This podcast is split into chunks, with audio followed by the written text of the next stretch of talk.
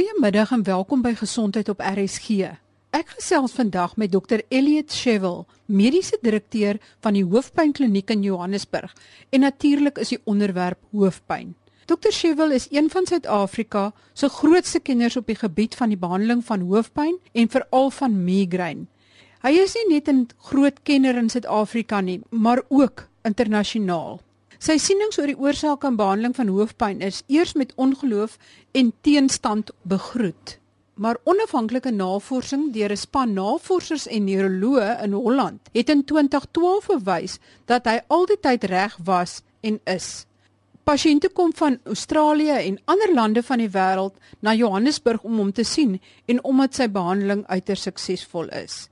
Die behandeling is dan nie so seer vir mense wat dan en wan 'n ligte kopseertjie het nie. Maar as jy aan erge migraine of troshoofpyn of selfs spanningshoofpyn ly, skuif nader want daar is hoop en daar is hulp vir jou. Dokter Shevel, dit is vir my baie interessant. Jy's nie 'n neuroloog nie, maar vertel net vinnig vir ons, hoe het jy begin belangstel in die behandeling van hoofpyn? Ag, jy weet ek se mond en kaak chirurg en mond en kaak chirurg gewerk met pyn en uh, van die gesig en die kaakgewrig. Lank terug in 92 het ek 'n binnesmondse plaatjie ontwikkel wat die spiere van die kakebeen laat ontspan. En baie van my pasiënte het vir my gesê man hulle hulle hoofpyn is baie beter of hulle migraine is beter. Dan het ek besef dat migraine baie te doen het met die kaakgewrig en die kaakspiere eintlik. En jy het gesê ek's nie 'n neuroloog nie, maar wat eintlik is dat meeste hoofpyn nie 'n neurologiese probleem is nie. Dis 'n uh, spierprobleem. Dis hoe ek nou belang gestel het in 'n migraine. Goed, en dan was dit ook baie interessant. Pasiënte kom nou van oral oor die wêreld na jou toe, van Australië ja. en van ander lande af om die baie interessante siening wat jy het oor migraine en die behandeling daarvan te ervaar omdat dit soveel verligting bring vir soveel pasiënte. Maar dit het 'n ja. tydjie gevat om die internasionale hierdie sie te oortuig dat jou siening oor die ontstaan van migraine korrek is en dit is dat dit nie binne in die brein ontstaan nie. Jy weet, mediese mense is baie konservatief. En hulle verander nie maklik nie hulle idees. So dit vat baie lank. Se idees, idees te werk. Maar uh, dit begin nou ernstig. Oor 2 weke kom daar 'n professor Sterings. Hy is professor van neurologie by Harvard Mediese Skool in uh, die VSA. En hy kom met 'n neurochirurg van Holland om te sien wat ons hier doen. En ek dink dit gaan ons 'n groot boost gee Fantasties, want ek sien dat internasionaal en veral dan die publikasie wat in Holland uh, verskyn het wat die wetenskaplikes nou saamstem met jou sienings. Ja, daar daar is van hulle wat nou saamstem, maar is dis nie 'n maklike studie nie. Nou maar goed, ons kyk net vinnig na die verskillende soorte hoofpyn wat wat mens kry en dan begin ons by migraine, maar wat is verskillende soorte hoofpyn kry mens nou? Daar is spanningshoofpyn, en migraine en dan is daar natuurlik die troshoofpyn wat die ergste pyn is wat daar is. Ja. Dit baie is die drie belangrikste. Natuurlik kan 'n mens ook hoofpyn kry van 'n gewas of 'n meningitis of 'n ontsteekte breinvliesontsteking, maar dit is baie min. Die meeste hoofpynleiers lei of van migraine of spanningshoofpyn of troshoofpyn of 'n kombinasie van die drie. Dis onmoontlik om presies te onderskei tussen die drie. Hulle is almal 'n gedeel van dieselfde tipe ding. Al wat hulle onderskei is waarvandaan kom die pyn. Die pyn in troshoofpyn en migraine kom meeste van die slaghare in die kopvel. Ja. En pyn van spanningshoofpyn kom hoofsaaklik uit die spiere van die kaak en nek. Maar die meeste mense het 'n kombinasie. Hulle het al twee die bronne van die pyn is dieselfde. Die moeilike gedeelte is om te bepaal waarvandaan kom die meeste pyn. Is dit saghare of is dit spiere? Want dan moet 'n mens die behandeling mik in daai rigting. Ja, ek sien hierso op julle uh, lys is 'n baie oulike skets wat op julle webwerf is wat julle vra waar kom die pyn vandaan en dan is daar onder andere die slagare, die TM gewrig, dit is nou hier by die kaak, oë, ja. sinusse, tande, hormone, spiere, ore, brein, psigologies, die rug en senuwees. So dit kan van 'n klomp moontlike plekke afkom. Ja, dit kan. Dit kan. Maar hoofsaaklik is dit of spiere of die slaghare in die kopvel. Dit is belangrik. Kan jy vir die luisteraars verduidelik presies wat is migraine? Laat ons dan by migraine begin en dan kan ons later oor die ander twee hoofsoorte hoofpynne ook gesels. Wat is migraine? Wat was die vorige siening van waar dit vandaan kom of ontstaan en wat is die nuutste sienings daaroor? Tweedien, het hulle gedink die pyn kom van die brein? Ja. Of van slaghare in die brein? En dit is nou dus daar bewys dat dit glad nie van die brein kom nie. Die pyn kom van buitekant van die slaghare in die kopvel. En wat gebeur is en ons weet nie hoekom nie. Maar daar's klein slaghaartjies in die kopvel en hulle vir een of ander rede verruim hulle. En dan rek die wand van die slaghaar. En in die wand van die slaghaar is daar sinuus. Ja. En as daar 'n rek, dan rek die sinuus en dit is frekseer. Dis waarvan dan kom die pyn. En dan daardie pyn veroorsaak die naagheid en al die ander simptome wat met die migraine kom. Goed, nou is daar sekere dinge wat hierdie uh, pyn kan vererger of aanhelp want mens lees so baie dat mense wat aan migraine ly, koffie, sjokolade ensovoorts vererger eintlik dit of kan dit aanbring. Is dit so? Het julle ook so okay. Jy sien die, die, die belangrike ding hier is om te verstaan dat daar 'n verskil is tussen die snellers ja. en wat u nou genoem het is 'n hele klomp snellers. Ek wil vir u verduidelik wat verskil tussen 'n sneller en die onderliggende probleem. Byvoorbeeld as 'n mens 'n landmyn in die grond sit en dan primary die detonator. Enigiets wat op die landmyn staan, gaan hom trigger. As jy die detonator verwyder, niks kan hom trigger nie. So daardie goed wat u nou genoem het, stres, koffie, alkohol, sekere goed wat mense eet, sjokolade en kaas en goed, hulle is almal snellers. Maar as ons die onderliggende probleem behandel, dan werk die snellers nie meer nie. Ons moet sien waarvan dan kom die pyn en dan behandel ons daardie struktuur, dan kan hulle weer wyn drink. Hoekom sal party mense se oppervlakkige bloedvate op jou kop makliker rek as ander mense se? Dit weet ons nie. Ongelukkig ek weet nie sê nie. Maar die antwoord vir daai vraag uh, kan bepaal as jy baie geld maak. okay, so is daar sekere mense wat meer vatbaar is? Ek het eers gelees dat mense wat geneig is tot hoë koors en allerlei allergieë, miskien meer vatbaar is vir migraine. Nie eintlik nie, maar dit kan ook hoë koors kan 'n sneller wees, soos al. Daar is mense wat 'n genetiese neiging het. As die ouers uh, hoofpynleiers is of migraine is, het hulle 'n groter neiging. Maar dit is nie te sê hulle gaan 'n definitief migraine leiers wees nie. As jy nou weet dat hierdie rekking van die bloedvate die verskriklike pyn veroorsaak, hoe maak jy dit reg? Ons maak daai bloedvate toe en permanent toe en gelukkig het 'n mens hulle nie nodig nie. Dis soos die verstandtande of of die blinde darm of die mangels.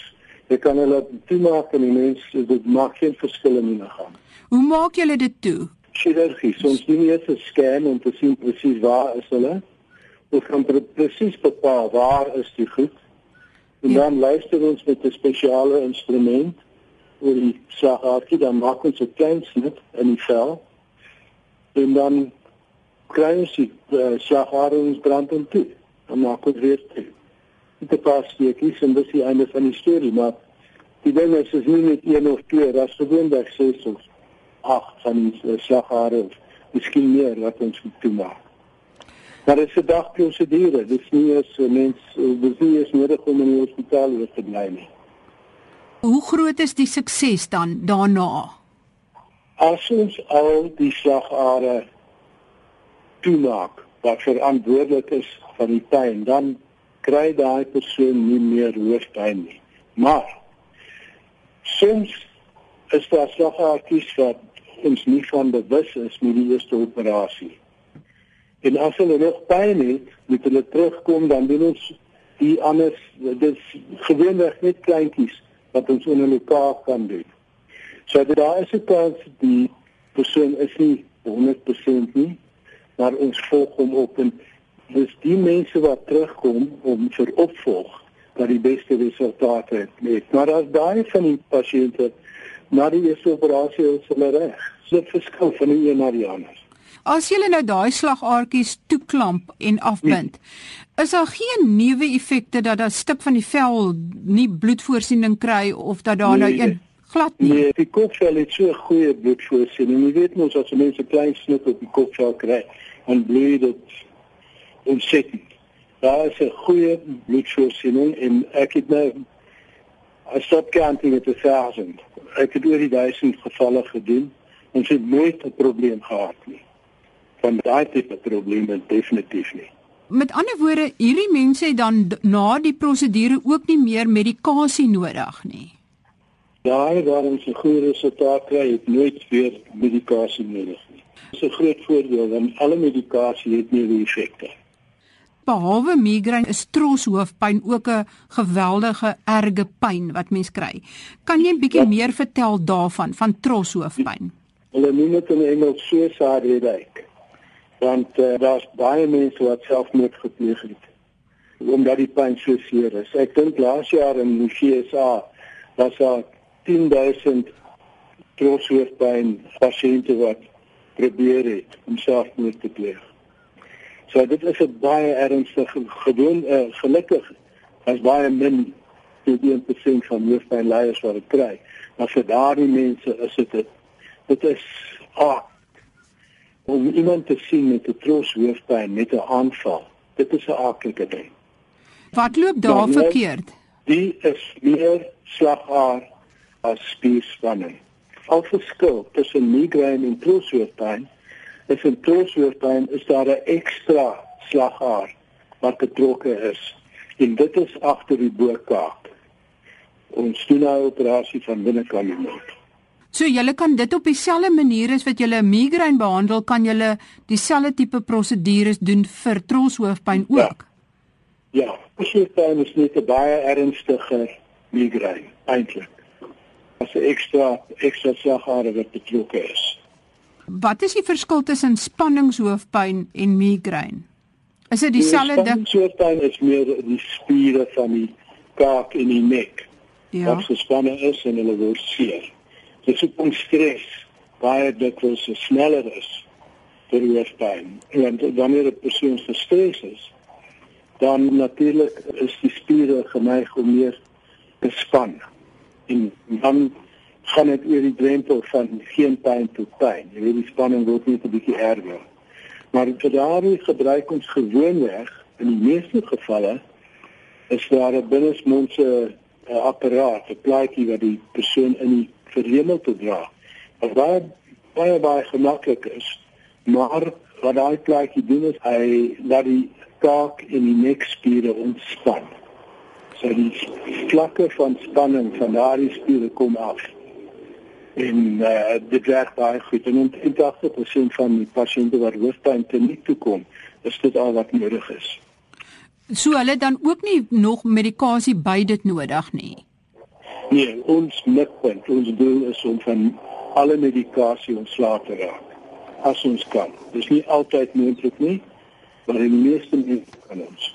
Dan wil ek hoor in een van die afdelings is beskryf u dat dit eintlik medikasie is, die oorgebruik van medikasie wat eintlik hoofpyn in stand kan hou.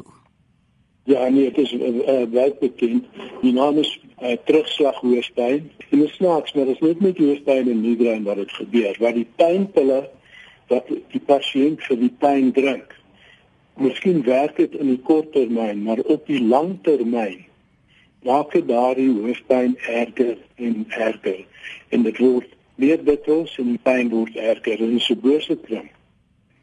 En dan drink die persoon meer pille. Sommige van die pasiënte wat na ons toe kom by die hoofpynkliniek, drink 28 pille of 20 pille per dag.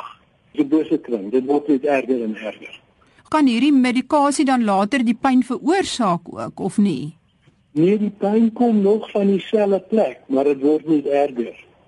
So en as ons die bron van die pyn behandel, dan gaan daardie terugslag hoofpyn ook weg. Dan is die plek waarvan die pyn kom wat ons behandel. As ons daai plekie behandel, dan kan daar nie meer pyn kom nie. Die gewone mens wat nou luister en wat nou 'n bietjie hoofpyn kry. Wat moet mens doen as jy hoofpyn kry? Weet as dit nou nog nie so erg is dat jy nou op die bed wil gaan lê nie, moet jy medikasie neem of wat moet mens maak? Ja, die mens het nie 'n keuse nie, mens moet op pynpille drink. Maar as wanneer dit 'n gereelde ding is, dan het die mens ook nodig. So die gewone pynstillers wat mens neem, is dit nou byvoorbeeld soos die non-steroidale anti-inflammatoriese middels, is dit maar die algemene middels wat mense drink? Ja, en hulle drink met aspirine en en Panado en die grandpapoeiers en al daai goed. Maar die medikasies wat die ergste is, wat meer geneig is om terugslag hoofpyn te veroorsaak, daardie met mengsels van twee of drie middels. Hulle is meer geneig om dit te doen. Dis weer die toonbank medikasies, maar die die medikasies waarvoor jy voorskrif nodig het, doen dit ook. So al die medikasies kan die hoofpyn erger maak. Ongelukkig. So die beste is as hoofpyn regtig waar 'n probleem raak vir jou, dan moet mens definitief kyk of mens die oorsaak kan vasstel en die oorsaak kan behandel. Dit is dieselfde met alle siektes. Uh, jy moet die oorsaak kry, anders weet jy nie wat jy behandel nie. Dokter Shevel, sou jy sê dat die meeste dokters in Suid-Afrika is bewus van die werk wat julle doen of dat die oorsaak van migraine byvoorbeeld in slagare buitekant die brein lê?